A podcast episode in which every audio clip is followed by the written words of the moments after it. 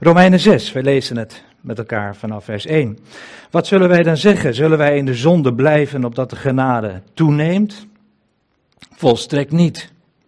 Hoe zullen wij dan, die aan de zonde gestorven zijn, nog daarin leven? Of weet u niet dat wij allen die in Christus Jezus gedoopt zijn, in zijn dood gedoopt zijn? Wij zijn dan met hem begraven door de doop in de dood, opdat evenals Christus uit de doden is opgewekt tot de heerlijkheid van de Vader, zo ook wij in een nieuw leven zouden wandelen. Want als wij met hem één plant zijn geworden, gelijk gemaakt aan hem in zijn dood, dan zullen wij dat ook aan hem gelijk zijn in zijn opstanding. Dit weten wij toch dat onze oude mens met hem gekruisigd is, opdat het lichaam van de zonde teniet gedaan zou worden en wij niet meer als slaaf de zonde zouden dienen. Want wie gestorven is, is recht ons vrij van de zonde. Als wij nu met Christus gestorven zijn, geloven wij dat wij ook met Hem zullen leven. Wij weten toch dat Christus, nu Hij is opgewekt uit de doden, niet meer sterft. De dood heerst niet meer over Hem. Want wat zijn leven betreft, is Hij eens en voor altijd voor de zonde gestorven. En wat zijn leven betreft, leeft Hij voor God. Zo dient ook u zelf te rekenen als dood voor de zonde, maar levend voor God in Christus Jezus onze Heer. Laat dan de zonde niet in uw sterfelijk lichaam regeren, om aan de begeerten daarvan te gehoorzamen. En stel uw leden niet ter beschikking aan de zonde als wapenen van ongerechtigheid, maar stel uzelf ter beschikking aan God als mensen die uit de doden levend geworden zijn. En laat uw leden wapens van gerechtigheid zijn voor God. Want de zonde zal niet over u heersen. U bent namelijk niet onder de wet, maar onder de genade. Ja, ik moet zeggen dat dit een uh, hoofdstuk is dat uh, vooral in het begin van mijn uh, christenleven een enorme omwenteling teweeggebracht heeft in mijn denken. Ik herinner me nog hoe ik het moment dat ik de Heer Jezus Christus heb mogen leren kennen. Uh, een geweldig moment waarin dan, ja, uh, ineens je realiseert dat, ja, de vraag waar, waar ik eigenlijk geen antwoord op had, hè, wat zou er gebeuren als jij zou sterven? Nou, mijn antwoord aan diegene die mij die vraag stelde was van, ja, dat, dat moet je maar afwachten. Dat, dat zul je wel straks pas weten als je als je voor de troon van God staat. Dat was mijn perceptie eigenlijk. Um, van God en van mijn positie ten opzichte van de Heere God. En toen is mij het evangelie uitgelegd. En toen kan ik me nog herinneren, het was tijdens een boswandeling, dat ik daar mijn knieën voor de Heer heb mogen buigen. En de Heer Jezus Christus als mijn persoonlijke verlosser en zaligmaker heeft mogen leren kennen. Het is een geweldig moment geweest in mijn leven. Waar ik nog altijd met dankbaarheid op terugzie. En dankbaarheid ook, jegens degene natuurlijk, die mij ook de moeite genomen heeft om mij dat evangelie ook te, uit te leggen. En natuurlijk bovenal aan dank, dank aan God, die, die, die, dit alles zo geleid heeft. Maar uh, ik moet zeggen dat toen eigenlijk er een fase in mijn leven is gekomen uh, van, van teleurstelling. Enerzijds weten dat je zonden zijn vergeven enerzijds te mogen weten dat, ja, die, dat er een geweldige, rijke toekomst voor je ligt. En aan de andere kant eigenlijk zo teleur, teleurgesteld raken in jezelf. Uh, ik kan rustig zeggen dat mijn ervaring was, ook de ervaring die Paulus beschrijft in Romeinen 7, vers 15. Wat ik namelijk teweeg breng, doorzie ik niet. Want niet wat ik wil, dat doe ik, maar wat ik haat, dat doe ik. Er was een, een mechanisme in mijn, in mijn leven, in mijn denken, in mijn doen, in mijn handelen, dat ik eigenlijk niet doorzag. Er was een, een, een reflex dat op het moment dat ik het goede wil doen, en daar verlangde ik zo naar, want ik had inmiddels wel de Heer lief gekregen, en ik verlangde ernaar om, om inderdaad echt te doen wat Hij wilde dat ik doen zou. Dat ik zou leven naar de maatstaaf zoals hij die ook in zijn woord bekend maakt. Maar ja, dat reflexmatige, hè? Dat, dat niet wat ik wil, dat doe ik. Maar wat ik haat, waar ik een afkeer van heb. Dat is eigenlijk wat ik doe. Het is als het ware dat je ervaart dat je op drijfzand terecht bent gekomen en, en de moeite doet om, om daaruit bevrijd te worden. En, en, en eigenlijk naarmate je steeds meer pogingen onderneemt, je steeds dieper wegzakt in dat, in dat drijfzand. En dat heeft mij, bij mij een enorm conflict teweeggebracht. En, en het gaat mij nou vanmorgen niet om te vertellen hoe, hoe dat in mijn leven is gegaan, maar ik veronderstel dat jullie dat in meer of mindere mate ook ervaren. Of ervaren hebben. Dat zou nog mooier zijn, dat je over de verleden tijd kan spreken. Hoewel, tegelijkertijd ook zeggen, natuurlijk, die dingen ook telkens weer, ook in je leven ook weer terug kunnen komen. Die worsteling. Van hoe zit het nou? Als ik lees Galaten 5, vers 22, hè, de vruchten van de geest. Hè, liefde, blijdschap, vrede, geduld, vriendelijkheid, goedheid, geloof, zachtmoedigheid en, en zelfbeheersing. Ja, als ik me daaraan spiegel, als ik zeg van ja, dat zou eigenlijk in mijn leven openbaar moeten worden, herken ik dat dan? Herkennen anderen dat in mijn leven? Ja. En ik denk dat we, om dat goed te beseffen, om dat te doorzien, hè, ik doorzag het niet, om dat te kunnen doorzien, dat, dat het zo essentieel belangrijk is om Romeinen 6 te kennen. En natuurlijk ook de, de hoofdstukken die volgen. Dat je eigenlijk niet blijft hangen bij, bij, bij dat eerste onderwijs, hoe, hoe belangrijk dat ook is. 1 Korinthe 15 natuurlijk, geweldig. Hè? Christus is voor ons gestorven. De geweldige hoop dat we mogen hebben, dat, dat we ook met Hem zullen leven, dat de dood niet het laatste woord heeft. Maar daar blijft het onderwijs niet bij. Dat onderwijs, dat, ja, dat ontwikkelt zich verder. En het is niet alleen, ja, het onderwijs met betrekking dat Christus voor ons gestorven is. Maar in Romeinen 6 worden we bepaald bij die geweldige waarheid dat wij met Christus gestorven zijn. Dat Christus voor ons gestorven is, is al een geweldige waarheid. Maar dat, dat we met Christus gestorven zijn, dat is eigenlijk het uitgangspunt dat we moeten kennen, willen we ook werkelijk tot dat nieuwe leven komen, willen we ook werkelijk tot dat overwinningsleven kunnen komen. Prachtig hoe Rianne dat heeft laten zien, dat inderdaad die bol eerst moet sterven. Je moet die bol niet koesteren, die oude mens. Maar die bol die moet in de aarde, die bol moet sterven, die oude mens moet sterven. En die oude mens, en daar loop ik al een beetje vooruit op, op wat ik vanmorgen met jullie wil delen vanuit Romeinen 6, is dat die oude mens in, van God uitgezien al gestorven is. En laten we met elkaar gewoon eens even die, die versen met elkaar doorkijken.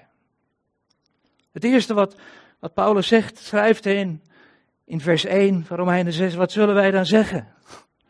Ja, we hebben altijd wel wat te zeggen, toch? Ja. We hebben altijd wel onze eigen reflectie. Nou ja, wat, wat, wat zullen wij dan zeggen? Is het dan zo dat wij dan zullen zeggen, zullen wij in de zonde blijven opdat de genade toeneemt? Geef je het op voor jezelf, dat je zegt, nou ja, laat ik dan met er maar aan overgeven, aan, de, aan dat krachtenveld van die oude mens. En dan ja, is het toch ook wel weer mooi dat dan die genade van God kan toenemen. Nou, dat is een verkeerde conclusie. Ik denk overigens dat Paulus deze vraag vooral ook stelt naar aanleiding van Romeinen 5, het voorgaande hoofdstuk, vers 20. Waar Paulus teruggrijpt op de periode van de wet. De wet waar, waaruit bleek dat Israël wel had ingestemd om, om, om aan die wet, die eis van God te voldoen, maar bleek daartoe niet in staat te zijn.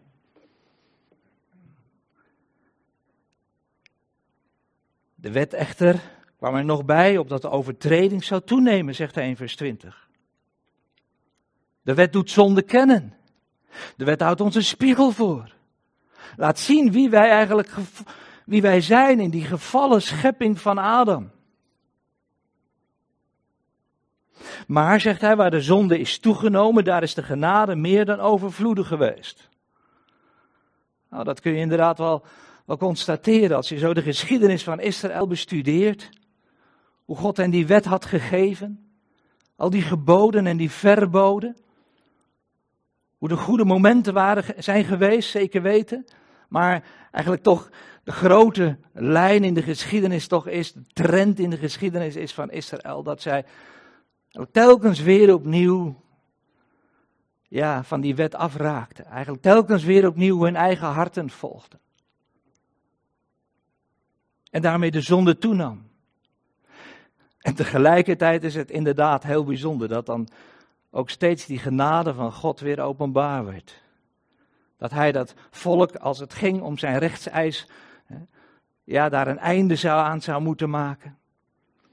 Ehm, maar uiteindelijk dan toch steeds weer opnieuw de draad met dat volk weer, weer oppakt. En vandaar dan ook dat Paulus antwoordt op die vraag: zullen wij in de zonde blijven? Antwoord met een, met een volstrekt niet. Krachtiger kan je het bijna niet zeggen. Volstrekt niet, dat moet je niet doen. Dat is niet de weg die God met jouw leven voor heeft. En wat is dan zijn argumentatie? Waarom zou je dat dan niet moeten doen? Zou je, zou dat niet, zou je dat niet moeten doen? Of zou je niet in de zonde moeten blijven omdat dat niet mag? Nou ja, die vraag zou je natuurlijk met ja kunnen beantwoorden. Maar dat is niet het argument wat Paulus hier geeft. Hij zegt niet uh, dat het niet zou mogen. Hoewel dat, zoals gezegd, natuurlijk wel het geval is. Maar eigenlijk zegt hij: Ja, weet je, als je dat doet, dan leef je buiten de realiteit waarin God jou heeft geplaatst. Buiten de realiteit waarin God jou heeft geplaatst. Want, zegt hij in vers 2, hoe zullen wij dan die aan de zonde gestorven zijn, daarin nog leven? Hij laat eigenlijk zien, het, het, het is een totale, ja, een, een enorme tegenstelling. Je, je kan niet gestorven zijn en dan toch nog leven. Het is of het een of het is het ander. Hoe zullen wij die gestorven zijn daarin nog leven? En dan is het belangrijk om voor jezelf even te bedenken dat Paulus en onderscheid maakt hier in dit onderwijs wat hij geeft tussen zonde en zonden. Zonde is de aanduiding voor de natuur van de mens, de zondige natuur.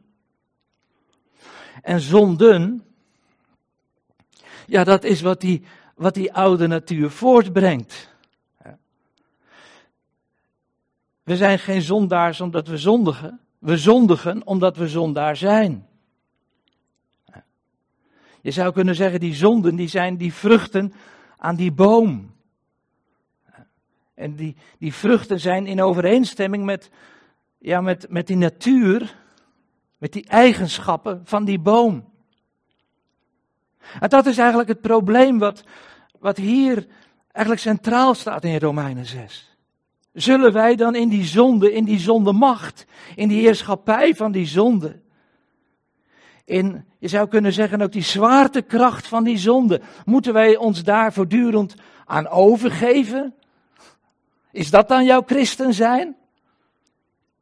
Weten dat inderdaad je straks bij de Heer mag zijn? Een geweldige perspectief, maar dat je in je leven op aarde eigenlijk maar een beetje moet ronddobberen op, ja, op, die, op, die, op dat, dat, dat, ja, die, die oude mens. En daarin eigenlijk steeds kopje onder gaat. Over die oude mens, die de Bijbel ook wel het vlees noemt, zegt de apostel bijvoorbeeld in Romeinen 8, vers 7 en 8, immers het bedenken van het vlees is vijandschap tegen God. En dan zegt hij iets heel belangrijks. Het, ontwer, het zich namelijk niet aan de wet van God. Want het kan dat niet. Belangrijk om daar een dikke streep in je Bijbel onder te zetten. Dat vlees kan God niet behagen, kan zich niet aan de wet van God onderwerpen. Zij die in het vlees zijn, kunnen God niet behagen. En ik denk, als ik het zo mag zeggen, dat dat de valkuil niet alleen van mij was. En ik moet zeggen, ook, ook de valkuil van mij van tijd tot tijd ook weer is. Maar ik denk dat dat misschien wel de valkuil is van veel christenen. Dat zij het idee hebben dat God die oude mens, dat hij daar nog wel iets moois van kan maken.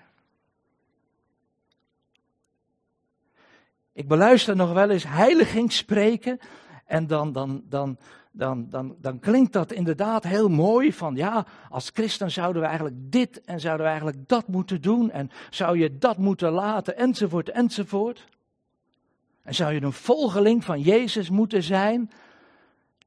En dan merk ik dat, dat het zo vaak het gevaar is dat je dan weer op jezelf wordt teruggeworpen. Dat je dan weer, ja, eigenlijk het idee krijgt van dat God iemand is, net als die schilder, als die dat huis gaat schilderen, dat hij dan eerst die oude verf wegschrapt en dan een beetje dat vermolmd hout misschien wat vernieuwt en dan weer een nieuw hè, uh, laagje verf daaroverheen uh, doet en dan ziet het er van de buitenkant allemaal wel weer mooi uit. en dan zijn wij weer blij dat de schilder is geweest. Maar dat is niet wat God doet. God die heel duidelijk hier in, in Romeinen 6 ons eigenlijk laat zien dat, dat die oude mens is afgestorven. Dat dat nieuwe leven zich pas kan voltrekken als dat oude is afgedaan, als dat oude is gestorven. Dat is die geweldige waarheid die hier door de apostel Paulus openbaar gemaakt mag worden. Hij zegt dan, of weet u niet, vers 3, dat wij allen die in Christus Jezus gedoopt zijn, in zijn dood gedoopt zijn. Nou, ik moet je heel eerlijk zeggen, ik wist dat een aantal jaren in het begin van mijn christen zijn niet. Ik wist niet dat ik met Christus gestorven was, dat ik met Christus gedoopt was in zijn dood. De waterdoop is daar dan wel een illustratie van. Dat mogen we als een illustratie zien, maar, maar, dat, maar dat bedoelt Paulus hier niet. Ik zeg altijd, dopen is voor gedoopte christenen. Je moet eigenlijk eerst zelf gedoopt zijn. Je moet eerst inderdaad ook bewust zijn van wat hier wordt gezegd. Dat wij met Christus gedoopt zijn in zijn dood. Dat wil zeggen, we zijn totaal in hem ondergedompeld. In zijn dood. Weet je dat? Nee, ik wist dat niet. En dat was een ramp, voor mij althans. Een ramp die, die zelfs ook nog een periode van depressiviteit in mijn leven teweeggebracht heeft. Zo erg dat ik eigenlijk niet eens meer in staat was om, om gewoon mijn dagelijks werk te doen. Teleurgesteld. Zelfs nog, nog een periode gezocht, moet je je voorstellen. Had het niet voorbereid om dat te zeggen, maar ik zeg het maar heel eerlijk. Gedacht dat ik misschien met yoga dat stukje nog wel een beetje voor elkaar zou kunnen krijgen. Die rust zou kunnen vinden. En dan zou ik geloven in Jezus dat Hij mijn zonde was, heeft vergeven. Dan zou ik geloven in Hem dat Hij inderdaad hè, mij die geweldige toekomst in het vooruitzicht stelt van, van het leven dat ik straks met Hem in heerlijkheid mag hebben. Maar dan zou ik voor nu, zou ik misschien wel eigenlijk door yoga technieken uh, misschien wel, wel, ja, wel, wel wat meer rust in mijn leven krijgen. En, en wat meer vrede in mijn leven krijgen. En ja, ik weet het nog. Zoals ik de Heer Jezus heb leren kennen, ook nog dat moment. Dat ik inderdaad ging zien wat, dat dat verlossingswerk van de Heer Jezus veel verder reikt. Dan dat Hij voor ons gestorven is. En wij gaan zien dat wij met hem gestorven zijn. Vers 4. Wij zijn dan met hem begraven door de doop in de dood, opdat evenals Christus, en let op, opdat evenals, dat zijn twee belangrijke woorden. Zoals wij inderdaad door de doop in de dood met hem begraven zijn, opdat evenals Christus uit de doden is opgewekt tot de heerlijkheid van de Vader, zo ook wij in nieuwheid van leven zouden wandelen. In een nieuw leven.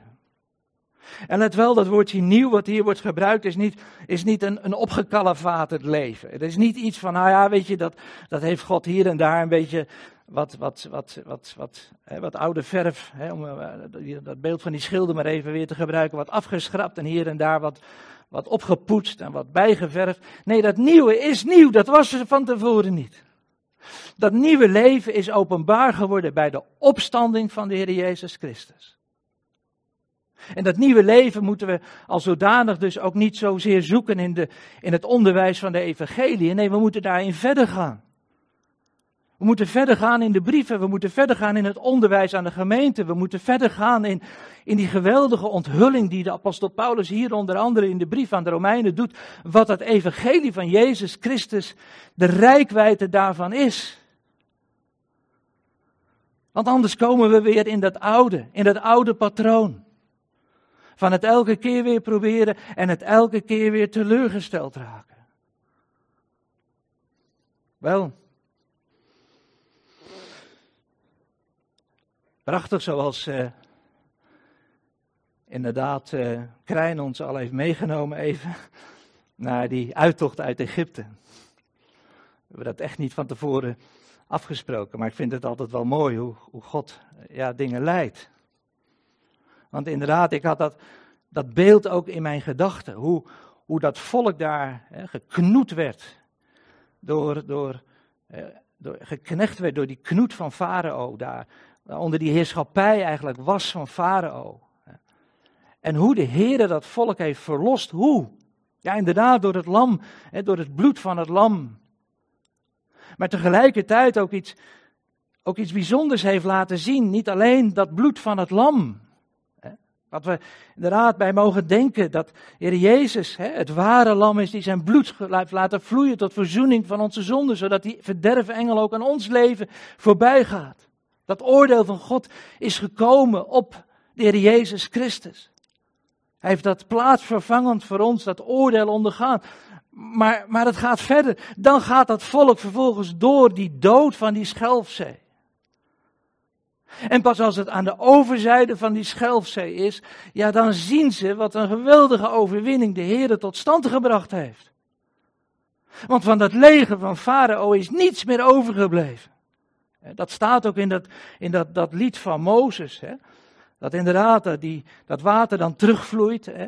En, en, en, en vervolgens dat, dat ook de dood wordt, de definitieve dood wordt van de vijanden van, van Israël. Er staat zelfs nog in, in Exodus 15, vers 4, viel me zo op. Hè? De beste van Farao's officieren waren verdronken. De beste. Hè? Er was niets meer van over. En wat ik zo mooi vind is in de Bijbel dat, dat God die geschiedenis eigenlijk telkens weer opnieuw herhaalt. Elke keer weer opnieuw lees je dat, hè, dat, dat de profeten, maar, hè, en dat de Heer door de profeten en, eh, en, en, en door de andere schrijvers van de Bijbel, door de apostel, eigenlijk telkens weer die geschiedenis dat volk in herinnering brengt. Een mens heeft herhaling nodig. Hij moet er steeds weer aan herinnerd worden. Hij moet er steeds weer naar dat punt worden teruggebracht. Wat God gedaan heeft daar, bij die uittocht uit Egypte. En zo is het ook bij ons. Toen ik dit zo, zo, zo voorbereidde voor vanmorgen, toen, toen werd ik zo getroffen door het feit dat, dat Paulus eigenlijk in, dat, in, dat, in, de, in die veertien versen die we met elkaar lezen en ook later, eigenlijk telkens weer diezelfde waarheid, maar weer met andere woorden, met andere voorbeelden, ja, weer, weer beschrijft. Zodat hij vanuit verschillende invalshoeken, als het ware, en natuurlijk is het Gods geest die dat doet, ons bij die geweldige waarheid bepaalt dat het in ons hart doordringt. Dat het niet alleen maar hoofdkennis is, maar dat het echt doordringt in onze harten, in onze levens. Wat de Heere gedaan heeft. En hoe onze positie nu is, onze verhouding ten opzichte van Hem nu is. Vers 5. Want zegt hij, we zijn met hem één plant geworden. Zo geven de vertalers dat hier aan eigenlijk een, ja, een, een, een onlosmakelijke eenheid. Eén plant. Gelijk gemaakt aan hem in zijn dood. Ja, zegt de apostel weer opnieuw. Het is een herhaling. Dan zullen wij het ook zijn, met hem gelijk zijn in zijn opstanding. Als het ene waar is, dan is ook het andere waar. Als we met Christus zijn gestorven, als we met Hem één plant zijn geworden in Zijn dood, ja, dan zullen wij dat ook zijn in, in relatie tot, tot Zijn opstanding. Ik heb hier een, een boekenlegger en ja, als ik die, ja, weet je, die, waar, waar mijn Bijbel is, is die boekenlegger. Als ik mijn Bijbel hier op tafel leg, dan, ja, dan ligt die boekenlegger ligt daar ook in. En neem ik hem straks mee in de auto, dan gaat die boekenlegger mee. Het is misschien wel een heel simpel voorbeeld, maar, maar, maar eigenlijk is dit wat, wat ons is overkomen. Dat, dat is wat, wat, wat God in ons wil uitwerken, die, die geweldige waarheid. God ziet ons aan in Christus. Voel ik dat? Nee, niet altijd tenminste. Het is heerlijk als je dit voelt, het is heerlijk als je dit ervaart. Maar er zijn momenten dat je dat niet, dat je dat niet zo ervaart. Maar het gaat er toch niet om wat wij ervaren? Geloof is toch niet uit, het, uit de ervaring, zoals Paulus zegt in Romeinen 10, vers 17. Nee, het geloof is uit het gehoor. Geloof is gebaseerd op het woord van God. Het gaat erom dat we onszelf in relatie tot God en God zien in relatie tot onszelf, zoals ons dat woord van God ons dat leert.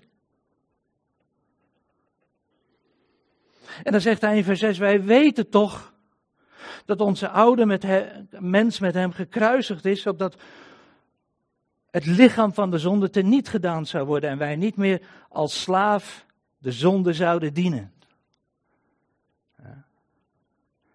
In vers 3 zegt hij nog, of weet u niet? Je ziet als het ware in zijn betoog dat hij hier al een stapje verder is. Dat hij er hier eigenlijk al een beetje, mag ik het zo zeggen, misschien dat ik het wat vermenselijk, dat ik ervan uitga dat, dat inmiddels zijn, zijn lezers en zijn toehoorders wel, ja inmiddels nu wel weten, wij weten toch dat onze oude mens met hem gekruisigd is. Mooi dat hij hier dat beeld neemt van gekruisigd.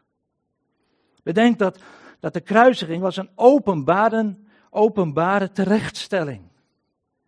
Iedereen kon dat dat aanschouwen. Dat sterven van de Heer Jezus is niet ergens in het verborgen geweest.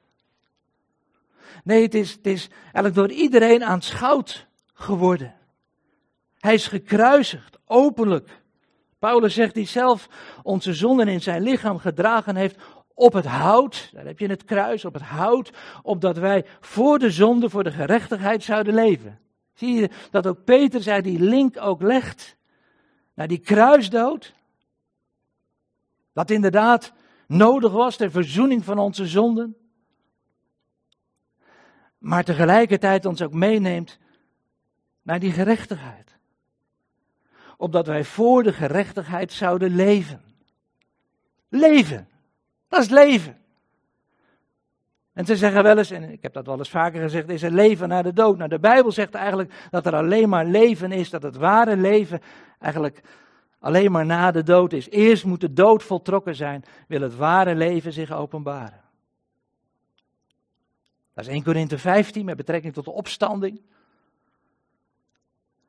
Maar dat is ook met betrekking tot ons persoonlijk geestelijk leven. En dan volgt eigenlijk de juridische kant van de zaak, want wie gestorven is, is recht ons vrij van de zonde. Wie gestorven is, is recht ons vrij van de zonde. Een dode kan niet door een rechter ter verantwoording worden geroepen. Dat is onzin.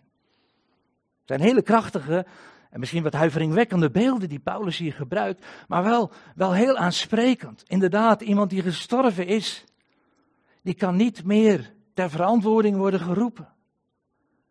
Daar kan niet meer ja, een bepaalde maat van leven, eh, of een bepaalde maatstaf aan leven van veracht worden, want hij is gestorven.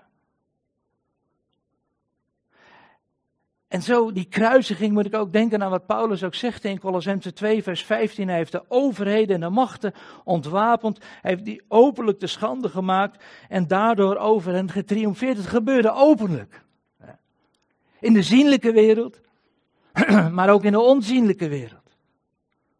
Satan dacht de overwinning te behalen, maar terecht, zoals inderdaad Krijn dat zegt, hij heeft in het stof gebeten.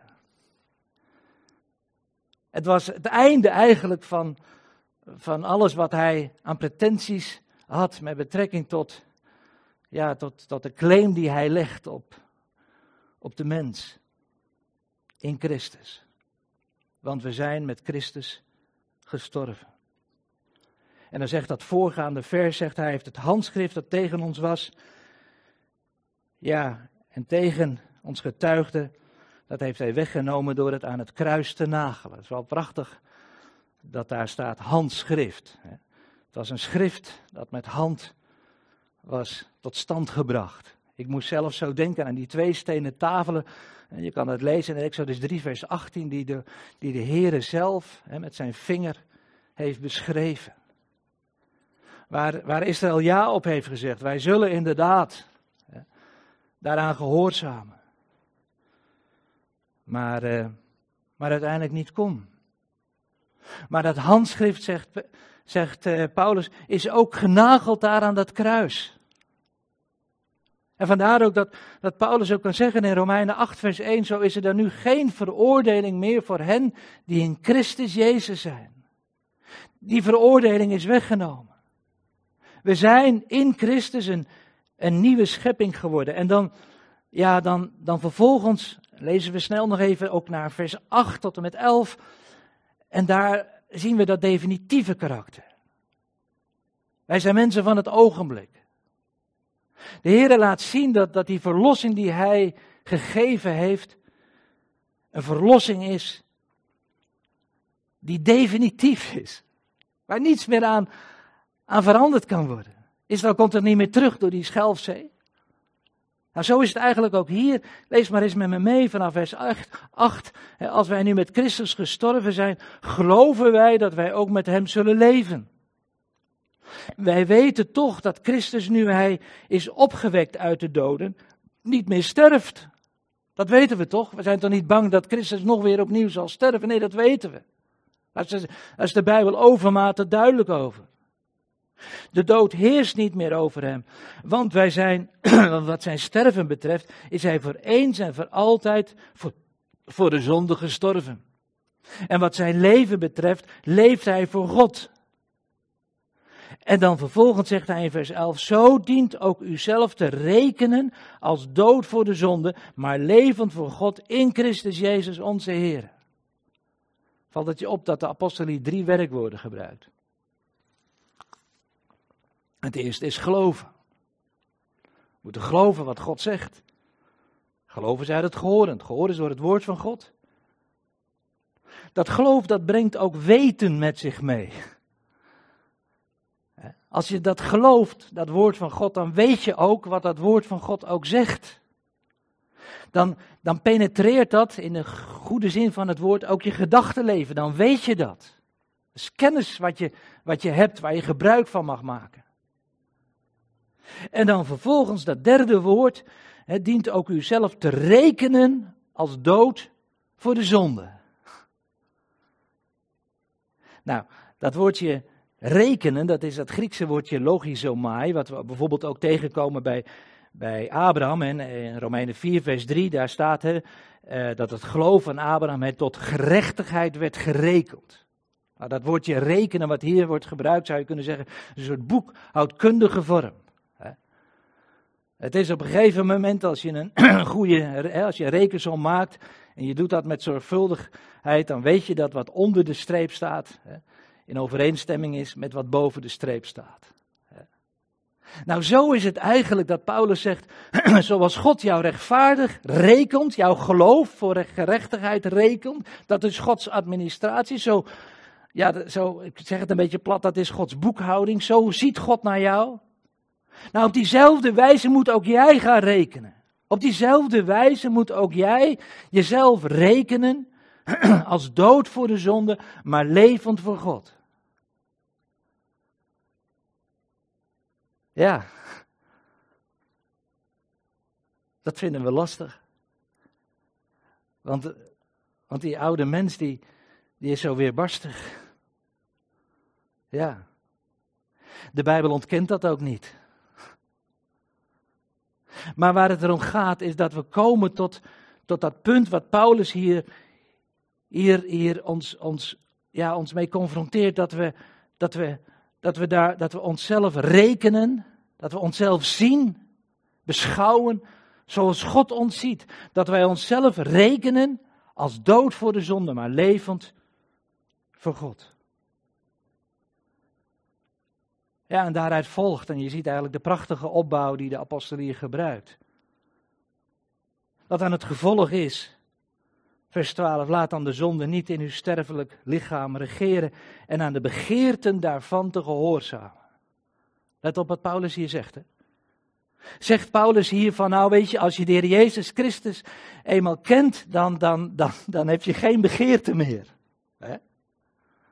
Dan, dan, dan, dan, ja, dan, dan zou het wel heel gek zijn als jij nog bepaalde verlangens hebt waarvan je weet dat, dat God daar, daar eigenlijk helemaal ja, afschuw van heeft. Nee, dat zegt hij niet. Die begeerten die zijn er nog gewoon. God verandert die oude mens niet. Knapt die oude mens niet op. Hij houdt die oude mens voor dood. Je bent met Christus gestorven.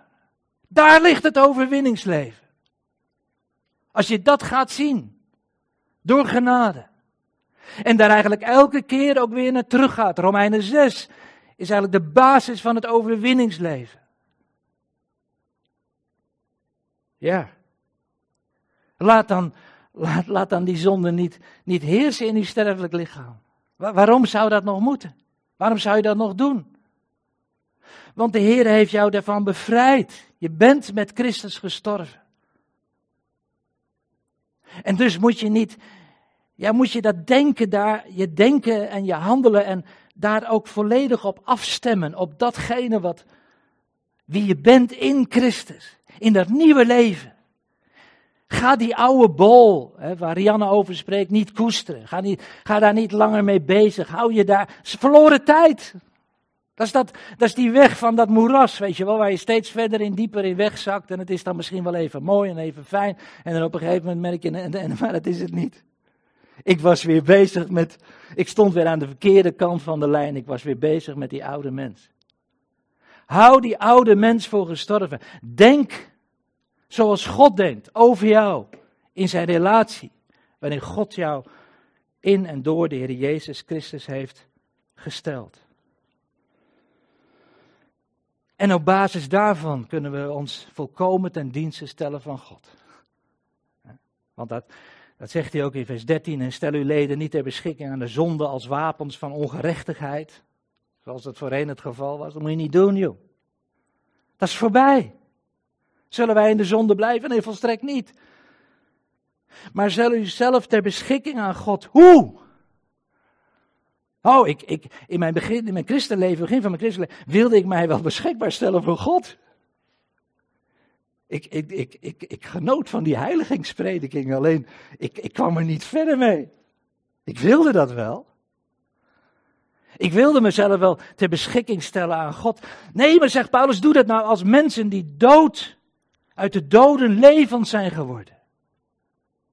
En laat uw leden wapens van gerechtigheid zijn voor God. Dat is het perspectief. Dat leidt tot het overwinningsleven. Dat leidt tot die geweldige kleuren die Rianne ons heeft laten zien. Die oude mens die sterft. En dan vervolgens dat nieuwe leven gaandeweg zich gaat ontwikkelen. En dan is het zo belangrijk dat je je ogen gericht houdt op de Heer Jezus Christus je niet voortdurend bezig bent met jezelf.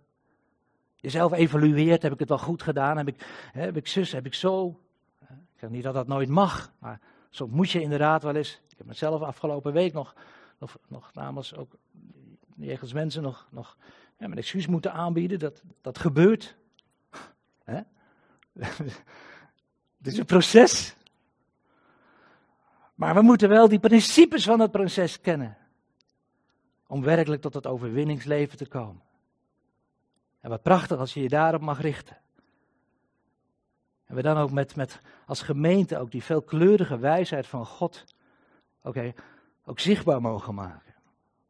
Zichtbaar mogen maken voor die onzienlijke wereld. Maar ook zienbaar, zichtbaar mogen maken voor de mensen om ons heen. Want de zonde zal over u niet heersen, zegt Paulus. Daar eindigt hij mee in vers 14. Dan eindigen wij mee. U bent namelijk niet onder de wet. De oude bedeling. Maar u bent onder de genade. Je bent dood voor die wet. Je bent gestorven. Je bent een nieuwe schepping in Christus. Zo met elkaar de Heer danken.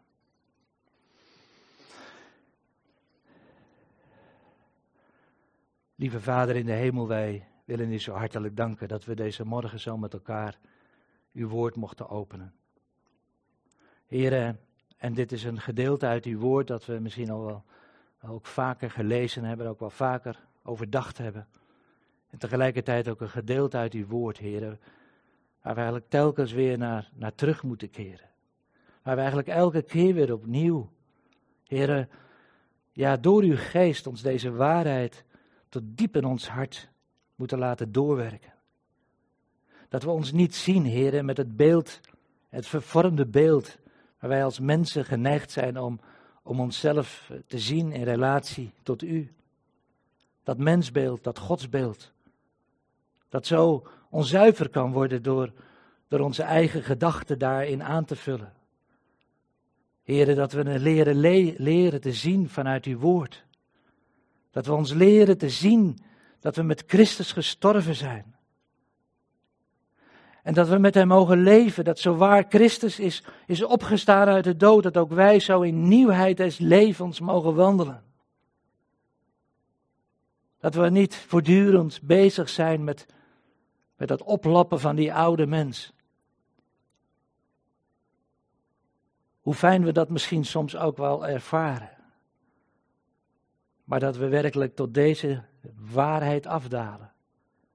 Met u gestorven. Met u opgestaan. Om vervolgens ook u te kunnen dienen.